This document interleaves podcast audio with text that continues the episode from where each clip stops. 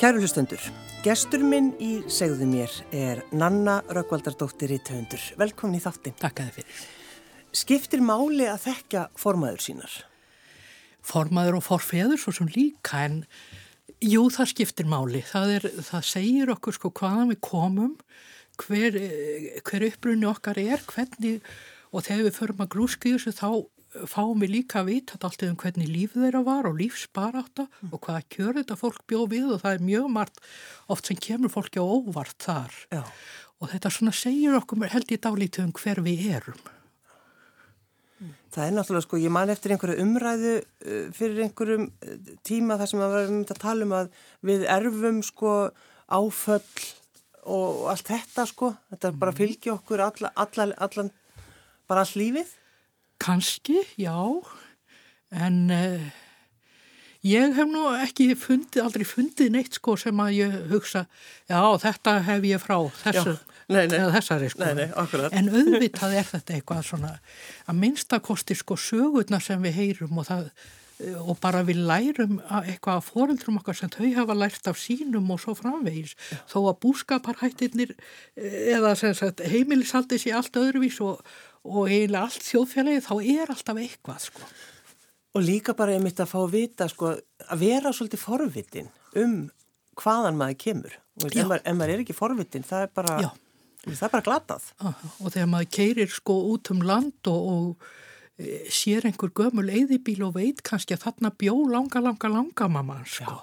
og maður þá horfur maður á og getur farið að ímynda sér sko við hvernig aðstæðu bjón, hvernig sagt, eh, hvað, hver var hennar, voru hennar daglegu störf, hvernig ólun upp börnin sín og allt mm. það. Já, og allur þessi sásauki og, og þegar maður er að hugsa og, og, og lesa svona frá þessum gamla tíma þegar að fóröldar voru endalust að missa börnin sín Já. og það var einhvern veginn alltaf skráð einhvern veginn þannig að talað um það eins og bara þau hafi ekki kipt sér upp í það. Sem er náttúrulega auðvita allránt. Það geta að vera einhverjir einstaklingar sem að hafðu svo harda brinju að þeir gáttu, ég held ekki. Nei, nei, nákvæmlega. Nei, auðvitað segði þetta fólk og, og tók næri sér það uh, alveg sama hvaða egnaðist mörg börn og mis, hvaða misti mörg börn, hvort þau dói eða hvort þau lifðu, því þóttu auðvitað alltaf ég bænt um börnin sín. Já, en Nanna, nú sko þú ert nýhætt að vinna. Já, eitt og halvt ár síðan. Já og þú saðir einmitt sko þú, svona, þú varst að trappa þig svolítið svona niður og, og alltaf þýða einhverja bækur og, en hvenar sko hvenar kemur þessi bók sem þú skrifar núna mm. hvenar kemur hún til þín?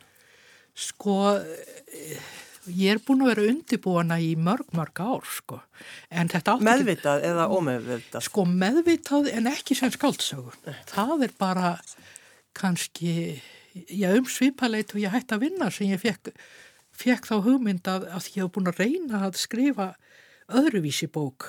Nokkur búin að byrja nokkur sinnu ég ætlaði að skrifa sko e, svona kannski hefðbundna æfirsögu eða heimildasögu en það bara gekk ekki upp. Ég, ég náði ekki tökum á því. Nei. og þá dætt mér í hug hvort ég ætti að prófa að skrifa skaldsögu og þegar ég byrjaði á því þá var þetta svo gaman og þetta einhvern veginn eh, fannst mér stundum eins og bókin var að skrifa sér sjálf sko, ég þurfti ekki að, þurfti ekki að leitað hugmyndum, þar komu bara til mín.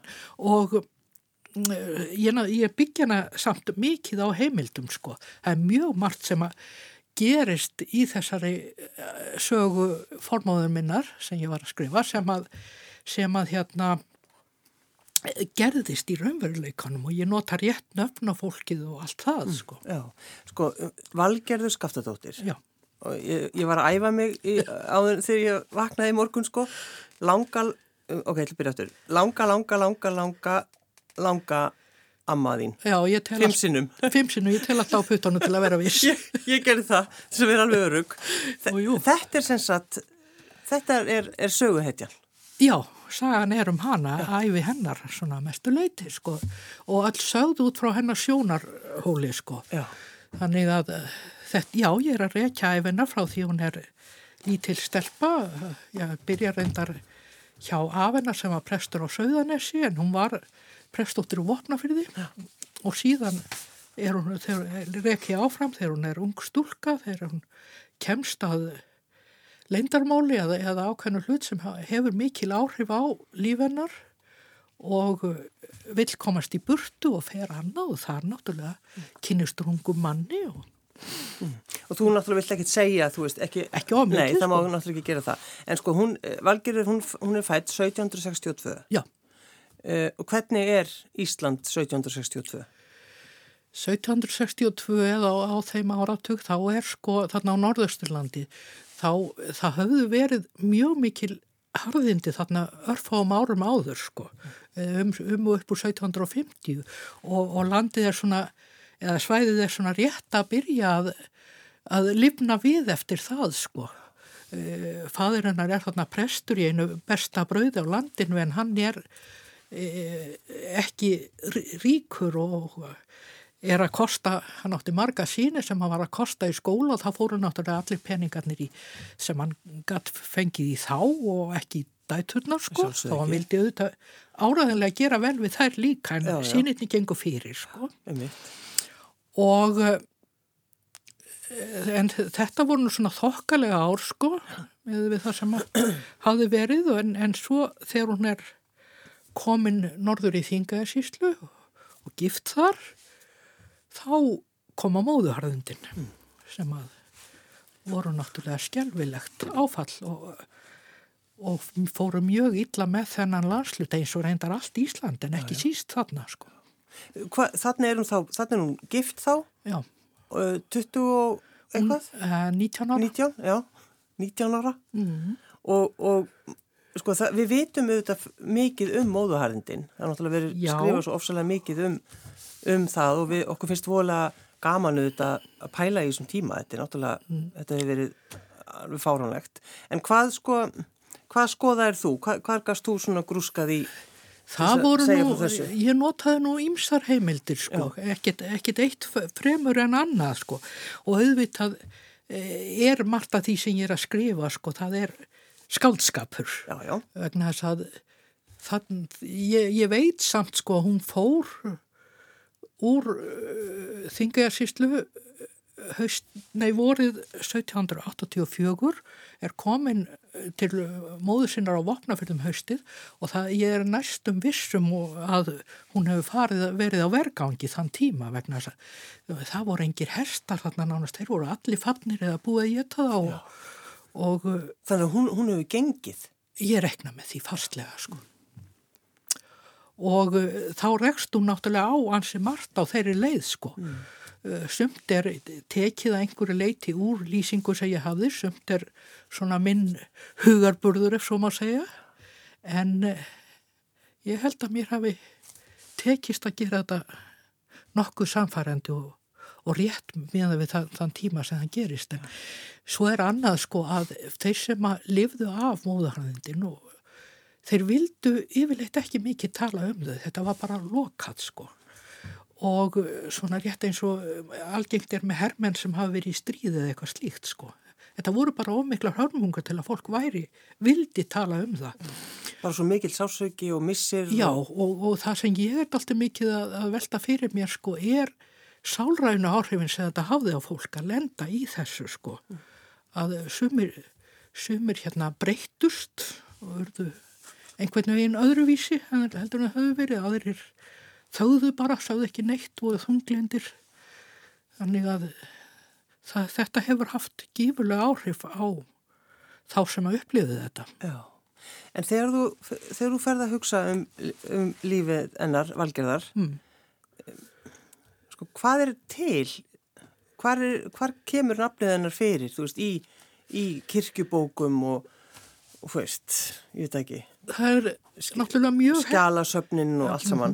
Það er náttúrulega mjög heppilegt að hún skildi heita þessu nafni Valgetur Skaftadóttir. Það var, er engin önnur. Ef ég rekst á nafni Valgetur Skaftadóttir einhverstar, þá veit ég að það er hún.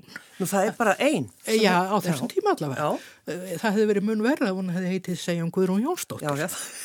Það eh, Það mjög- verið verra fyrir þín. Eh, Já, mun verra. en, en sem sagt, e, það er ekki farið að halda almennt kirkjubækur sko, þó að sé til einstaklega eldri, ekki fyrir en einmitt um þetta leiti 1785 eitthvað svoleiði sko. E, þannig að e, ég finn ekkert um um til dæmis fæðingu hennar eða giftingu en eitt slíkt en, en ég, ég veit samt get reiknað út frá öðrum heimildum sko hvaða, hvaða ár hún hefur verið fætt og, og sem sagt hvenar hún giftist og ég veit hvenar hvenar hún egnaðist fyrsta barni sitt og allt það en annars, þetta eru sko alls konar heimildi sem ég verið að grúska í e, kirkjubækur náttúrulega og sóknarmantur og svo hérna skiptabækur þar sem er þar sem er sagt frá skiptum eftir svona allavega betur stæðamenn. Ég veit til dæmis nákvæmlega hvaða bækur fadur hennar átti þegar hann dó og veit allt um fötina sko. Þetta koma fyrir við sögu þarna líka sko. Kamelhásatturinn, ég fann hann í skiptabókinni sko. Og síðan er náttúrulega í, svo gerist það sko að hún, þegar hún er komin til vapnaferðar að henni býðst að Eh, það var eh, búið ákveða þarna að senda hóp íslenskra ungmenna til Danmerkur til að læra tófinu. Mm. Þetta var eitthvað svona, eh, Danir vildu, vildu efla eh, innmentun á Íslandi og, og tófinu og það var eh, bóðið þarna líklega, ég man ekki hvort það, tveimur og hverju sístlu, pildi og stúlku til að koma til Danmerkur að læra þar í versmiðum því Danir, þá var sko innbyltingin komin að stað í Danmark og það var komin að víða upp vefnaðaversmiður. Þannig að stúlkur fengur tækifæri þarna? Já, þetta er eh, kannski fyrsta, fyrstu íslensku konurnar sem fara út beinlýnist til að menta sig. Já. Og þetta er bara strax, er þetta ekki strax eftir Þetta er í lók móðuharðindana, sko, 1785 og ástandið náttúrulega skjálfilegt hér heima og margt að þessu fólki var nánast að koma af vergangi sko það, eða allavega bjófi mjög erfið kjör. Fyrsta stúlkan sem fór út 1784 mm. uh, hún var svo uh, útstift í kaunum og sárum að uh, starfsfólki í versmiðinu þar sem hún átt að vera það neytaði að vinna með henni og hún var lögð í, á sjúkrahús í þrjár vikur og eftir það var hún laus við þetta allt og fólk var alveg til að vinna með henni sko. og þannig hefur það kannski verið með fleiri en En þegar maður hugsaður bara um, um hana valgerði mm. að, að fá þetta tækifæri að fara frá Íslandi til Kaupanar. Já, bæði ég, eins og ég segi söguna allavega þá var það eitthvað sem hann hafði dreymt um sko eins og eðlilegt er ég meina. Unga stúlku, stúlku dreymir um að komast til útlanda og, og sjá allt eh, glísið og gullið og, og fara á börl og hver veit hvað sko. En sem sagt hún, já, þetta er líka tækifæri fyrir hana til að skilja fortíðina baki. Því að uh, hún hafi verið, hún hafi gift sig þarna ung og svo hafi hún farið frá manninu sínum af ímsum ástæðum og, og hérna uh, móður hennar var að reyna að senda hana tilbaka en hún vildi það ekki og þarna gatt hún í rauninni farstinni ábyggilega að byrja nýtt líf. Og svo kemur hún til Danmerkur og eða fyrst til Kaupmannahafnar og og hittir þar eh, móðurbróður sinn sem þar bjó e, þektur svallari og, og ribaldi og fræður fyrir, fyrir kæftátt og fyllir í og slagsmál sko. Já, já. en e, hann síndi henni kaupmannahöfn og kynnt hana fyrir öllu sko og þetta er nú svona maður sem að Eiríku Guðmundsson Hoffhjött hann, hann hérna prentari, hafði verið bæðið á hólum og í rapsi og e, þar sem ég hef rekist á eitthvað um hann þá eh, er sagt að hann hafi hvergi sagt, fengið gott orð eða eitthvað svoleiðis. Hefur verið mjög mjög vafa saman náðum hún... en hann reyndist henni vel, já. það veit ég sko. Þannig að hún hefur farið, farið til hans Já, já svo, nei, hann var nú bara þarna sína í Kaupmannahöfn sko. og svo er hún sendt og, og sumt af hínu fólkinu til, á herragarðin Brae Trolleborg á Fjóni þar sem að var mjög framfara sinnaðu greifi sem bjóð þar og hann hafi reist versmiður og hann hafi byggt hús fyrir starfsfólkið í versmiðunum sem þótti með bara því besta allavega fyrir verkafólk sem að þekktist á þenn tíma.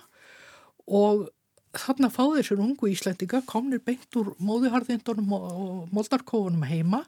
Þeir fá sko sérstakar íbúðir fyrir sig ekki bara sko þeir eru ekki látni sofni sofa einhverju söfnsal, nei nei þeir fá íbúðir. En hugsaðu þér þennan, þennan greifa, þennan reventlóf greifa mm. sem að bara hugsa um verkafólki sitt Og þessi, þetta hús er það ekki, þetta er, þetta það, stendur. það stendur ennþá og er óbreytt að ytra útliti. Þetta, þetta, þetta var alveg nýbyggt, þau voru fyrstu íbúðarnir þarna. Sko, þegar þú ert að skrifa um þetta og áttu þú þá kannski svolítið auðvelt með hennan að bara fara inn í hennar hugarheim, bara ímynda sér sko þegar hún lappar þarna inn, bara Já. tilfinninguna. Já, ég veit auðvitað ekki hvort að... Nei, nei, það er skálskapurinn líka. Já, já, en, en jú, ég reyni alltaf sko að setja mig í spór hennar og, og hugsa um hvernig, hvernig fannst henni þetta, hvernig leist henni á þetta, hvernig voru hennar viðbröð og allt það. Já. Það gildi líka um líf hennar. Já, en sko þegar þú, uh, þú veist, þegar maður tekur svona ákvörðun Mm. að- skrifa svona stóra skáldsögunana, þú talaður um það að þú hefði verið að sjá það í, í fréttum eða var einhver, einhver að tala um það að, að núna væri rosa mikið í tísku að, að skrifa stuttalbækur. Já, ég sá það ekki fyrir að þessi var koni í prentsmiður, sko. Að þú, þetta var nú virkilega, sko, við erum að tala hérna um yfir 400, 400. 419 blæsir. Já, Já. en eh, ég, sko, ef ég hefði, eh, ég er ekki vissin ég hefði geta haft hana mikið stýttir nema með, það er alltaf miklu erfiðar að stýtta heldur en að lengja, sko. Já, já, það er náttúrulega rétt. Jú, en, en hérna, þetta var bara svo viðbu- viðburðarík æfi sem hún lifði, sko. Bæði hér heima fyrst, síðan út í Danmörku og svo þegar hún kemur aftur hingað. En heldur þú, veist, já, þetta, þú veist það náttúrulega ekki, en heldur hún hefði viljað koma aftur heim til Íslands, nanna? E, ég held að hún hafi viljað það svona þegar hún var búin að vera um tíma í Kaupmannöfn. Það kemur eiginlega fram í brefum sko sem hún skrifar að það eru skrifuð fyrir hennar hönd sko. Já. En hún vildi ekki fara aftur á, á, á Norðausturlandi, ekki á Vopnafjörði eða, eða hérna í Þingæjarsíslu eða neitt. Og þannig að hún kom hérna og, endaði söður á básendum. Já, já. Eh, En það er, er það ekki, sko það er til eitthvað í einhverjum skjálasöfnum í Kaupan, eða Danmörku er það ekki? Hennar nafn kemur þar fyrir. Jú, jú, ég, jú, jú, hún, eh, ég til dæmis fann nafninar á manntali sem var sem sagt eh, tekið á Bræði Tróliborg 1787 og þar kemur fram að hún segist vera ekja sem hún var ekki, hún var gift. Nú er það. Já, hún var eða gift manninu sínu sem hún hafði ekki farið frá hérna heim á Íslandi. En hún er ekki að segja frá því þar, sko, og það, það veit ég alveg vegna að ég hef séð þetta manntal en bara á netinu, sko, ég var ekki að fara eitthvað, ég tala nú ekki um til útlanda að sitja á skjálasögnum að uh, hérna garfi einhverju gamalli uh, dön, kansili dönsku sem að ég, hvort þið er, menna, Sem bara erfitt að skilja. Já, erfitt að skilja og ég hefði getað flett í kassa eftir kassa eftir kassa á skjölum og ekkert vitað alveg að hverju ég var að leita.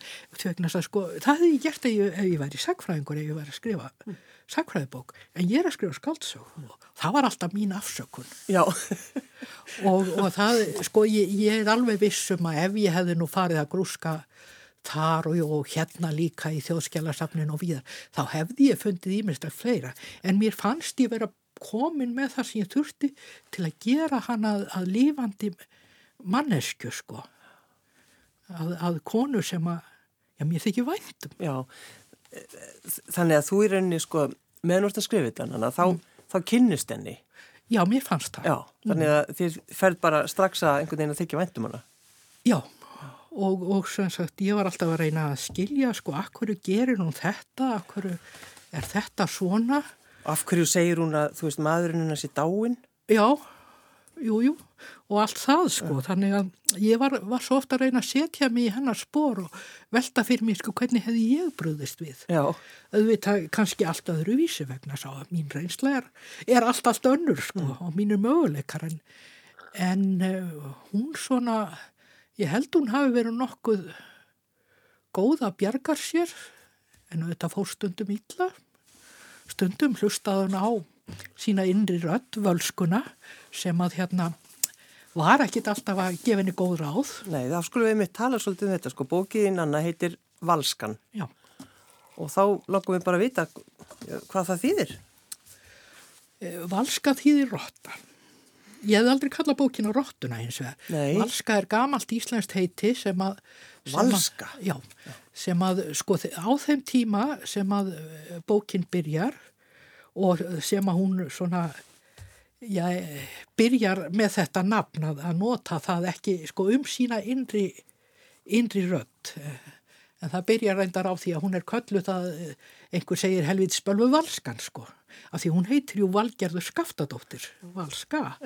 En hún hefur aldrei séð rottu. Þær voru, voru ekki til hér og Nú- nú- öruglega ekki sko þarna upp, í uppsveitum á Norðausturlandi. Já, þannig að það bara voru ekki rottur á Íslandi á þessum tíma. Nei.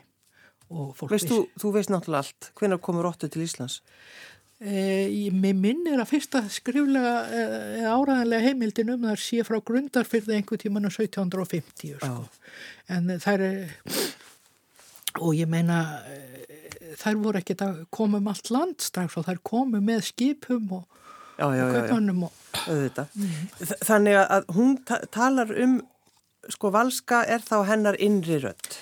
já, svona kannski pínulítið dökkahliðin á henni. Já, uh, hún valskan er ofta svona skjót einhverju að henni segja henni að gera eitthvað sem er stundum skynsalegt stundum ekki en, en yfirleitt eitthvað sem er ekki alveg svona í takt við samtíman sko. en upplifur hana sem sterka konu,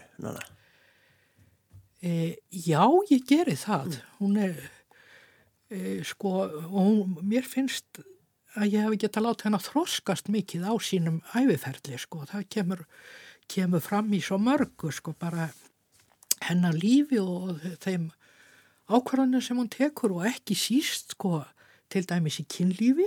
Ég meina, hún byrja sem ung og saklaus stúlka sem hann lætur sætan strák fleka sig.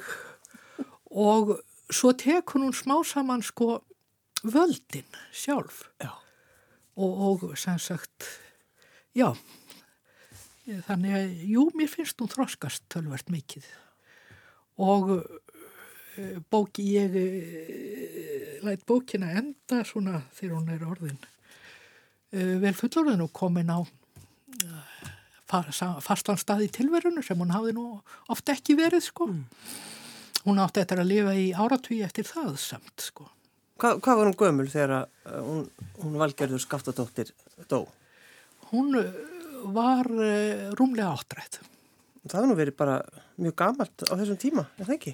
Vorum við- Já og nei vorum við sko, að það, var, það var ekkit óalgengt að fólk yrði svo gamalt sko. Nei, Auðvitað meðalaldurinn var miklu miklu lægri en það var bara því að það voru svo mörg bönn sem dó og margt fólk sem dó út en ef að fólk svona ef að fólk, já ég veit ekki hvort ég að segja ef að fólk náða að verða sjötugt þá lifði það, það þaðan í fráleikur við sko.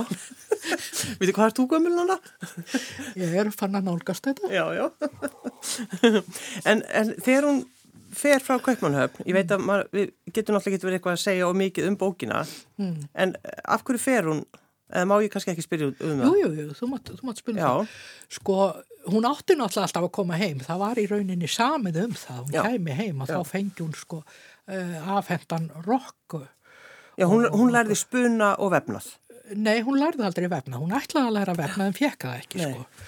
En hún lærði spuna, var reyndar, e, gekk nú eitthvað bröðsótt, var ekki talin fullnuma, svona, já, tvenn, tvenn til um það, þegar hún hætti, en hún, hún fer þarna frá Braði Tróleborg, sko, og fer til Kaupmannahafnar, eh, svona síðsumars, og þá er öll íslenski farin. Þannig hún er först í Kaupmannahafnar alveg til næsta vors og þar lendir hún svona í ímsu og má segja hún hafi farið sko já, í undirheima kaupmanafnar og munaði kannski litlu hún færi á botnin en Hve- Hvernig þá? Hva, segðu okkur hans meira frá því. sko hún uh, var náttúrulega mjög eh, peningalítil, hún var uh, með vinnu en það var eitthvað slítrót, það er endar ég get alveg sagt frá því að hún var ólétt þegar hún fór frá Bræðitóliborg Og það var eftir, Hmm. eftir hvern? eftir versmiðustjóra. Eftir verksmiðustjóran. Þetta er bara svona eins og einhverju Sko, skáldsögu. Sem þetta er. En þetta er sannleikurinn. þe- þe- Þetta er sannleikurinn, sko. Þegar ég fekk fyrst áhuga á Valgerði reyna þegar ég vissi fyrst um hana, það var þegar Íslendingabók var opnuð. vegna þess að Þessa forfeðu mín og formaður, þessa grein hafði ég ekkert vitað um. Og þá rekst ég á nafnið hennar og það, stendur nú yfirleitt ekki mikið í Íslendingabók, miklar upplýsingar um hvern og einn bara kannski hvar hann hafi búið og eitthvað svoleiði sko. En þarna stóðu fjórar línur um valgerði sem að urðu til þess að ég horfði á þetta og já, þann er saga og það var nánast þá á því augnabliki sem ég ákvaða að ég ætti þetta að skrifa um hana. Mér datt bara aldrei huga á því er því 400 blaða sína skáldsaga sko. Hva, hvað stóð þarna um, um hana valgerði?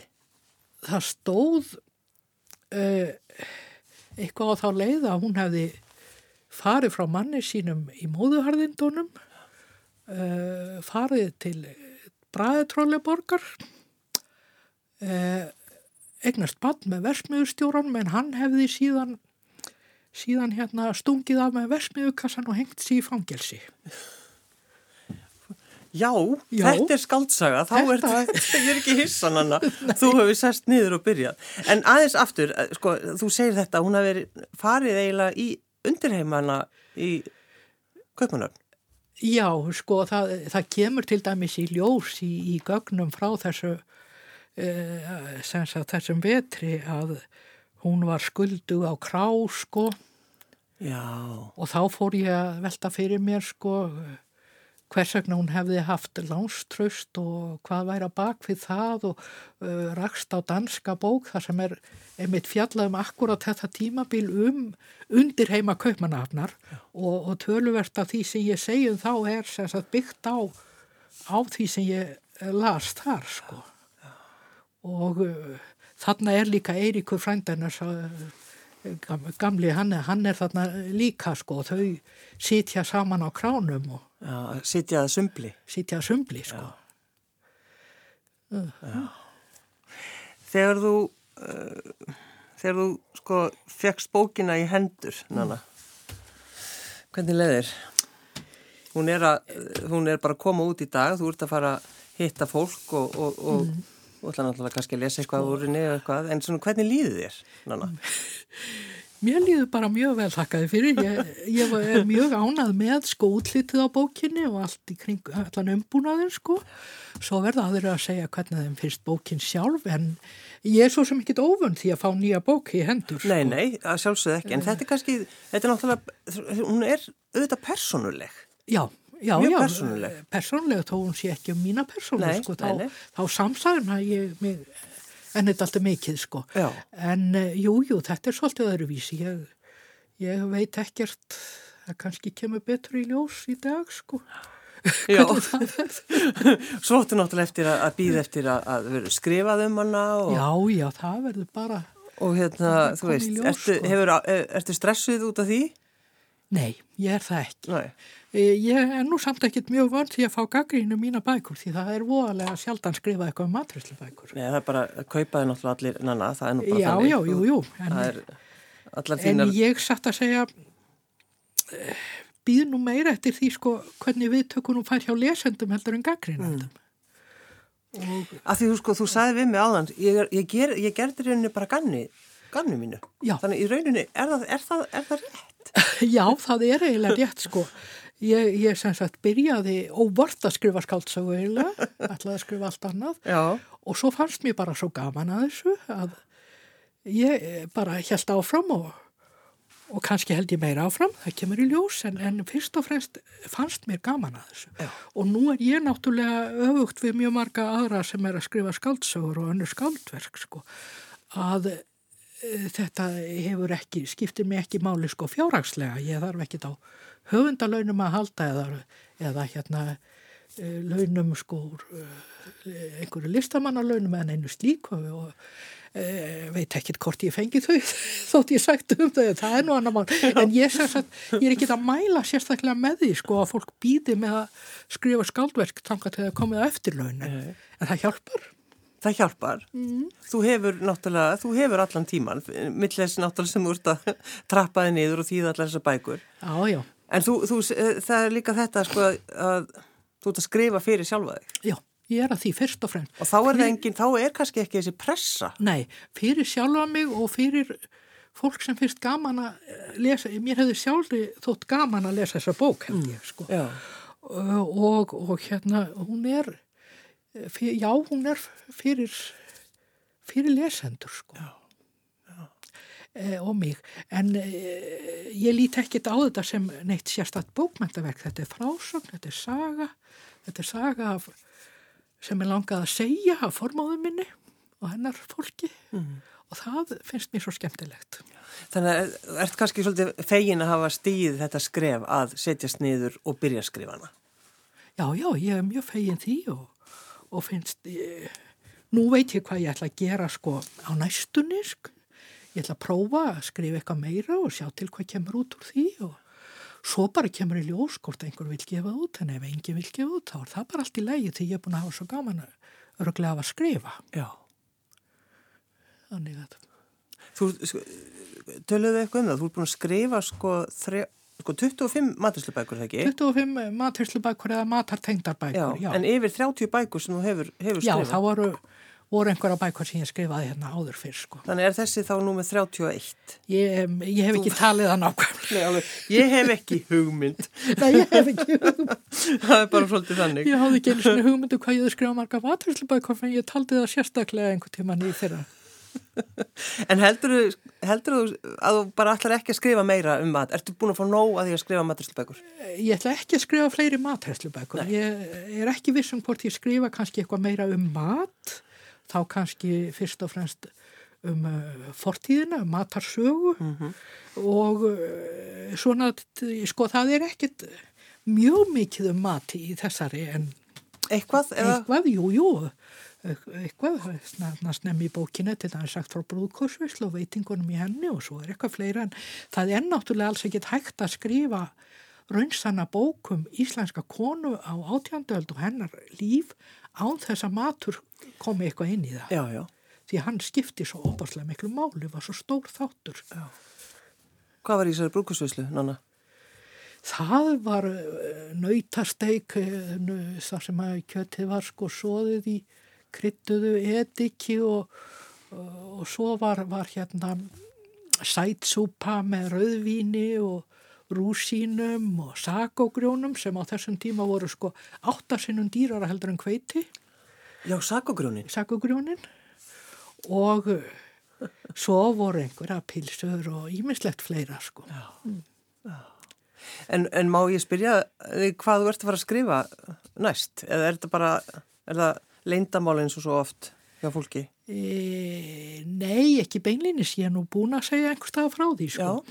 Að ég er að skrifa núna um, um hérna formæður mínar tvær e, sem að, já og, og barsföður þeirra begja. Já, Það verður mjög, mjög skrautlegt. já. Þú talar, þú segir einmitt frá því hérna að þú, þú segir ég er svo löð. Nei, hvað sagður, hvað orðnotaður?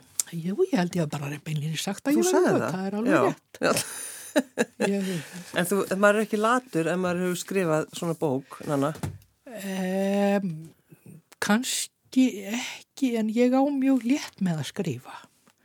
Ég uh, fæ yfirleitt ekki rýtstíflur eða og, og þessi bók sko, hún skrifaði sem er á minna sjálf. Það er alveg, ég er ekki að ljúa neinu með það sko. Og, og, og þú veist, það eru samtölinn og allt þetta, þannig að þetta hefur bara einhvern veginn bara, eh, bara gott flæði alla, alltaf. Nanna, það er náttúrulega bara það. alveg ótrúlegt. Uh Varst aldrei, varst aldrei þreytt á, á skrifunum? Varst aldrei við það að gefast upp? Nei, nei, Nei. aldrei nála tíu, auðvitað var stundur lagði ég þetta auðvitað frá mér og fór að gera eitthvað annað, það verður náttúrulega að gera það sko. En þegar ég var ekki að skrifa þá var ég gert að leita Já. að einhverju sem ég gæti skrifað um sko. Og svo er stund- allt, allt komið á neti þannig að þú þarft ekki eins og þú segir, ég þarf ekki að fara upp úr sófanum, sagður eða úr, Já, já, upp úr einmitt, stólnum. Ég, ég vísu stóð ekki alveg það, ég fór nokkur sinnum á já. Þannig að stund, maður finnur ekki allt á netinu Nei, en nei. hansi margt sko.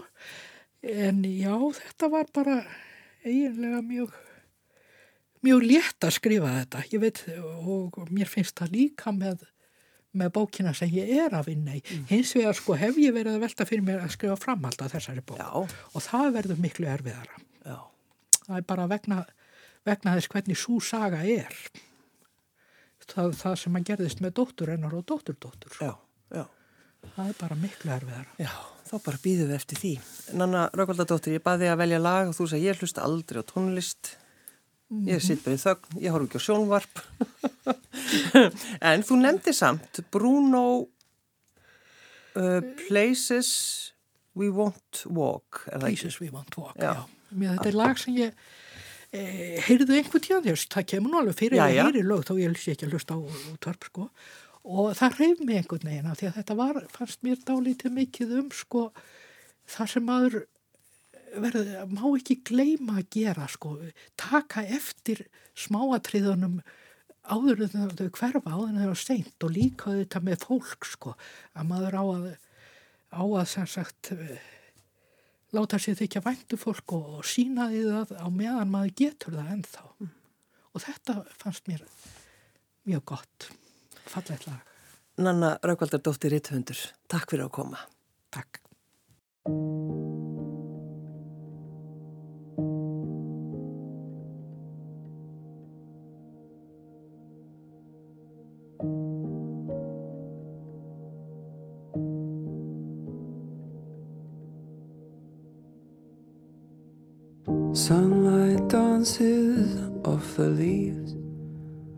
Birds of red color the trees. Flowers filled with buzzing bees. And places we won't walk. Neon lights shine bold and bright. Buildings grow to dizzying heights. People come alive at night and places we won't walk.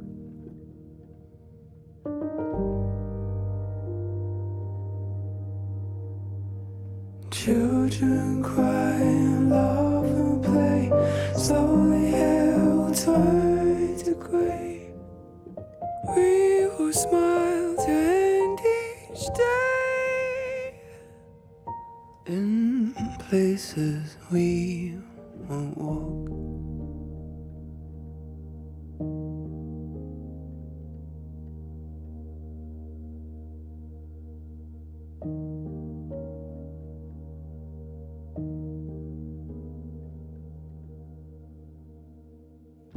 Family look on in awe. Petals decorate the floor. Waves gently stroke the shore and places we won't walk.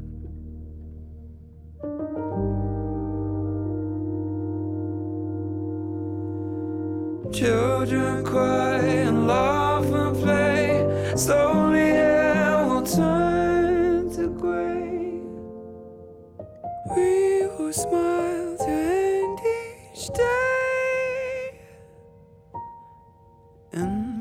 places we won't walk.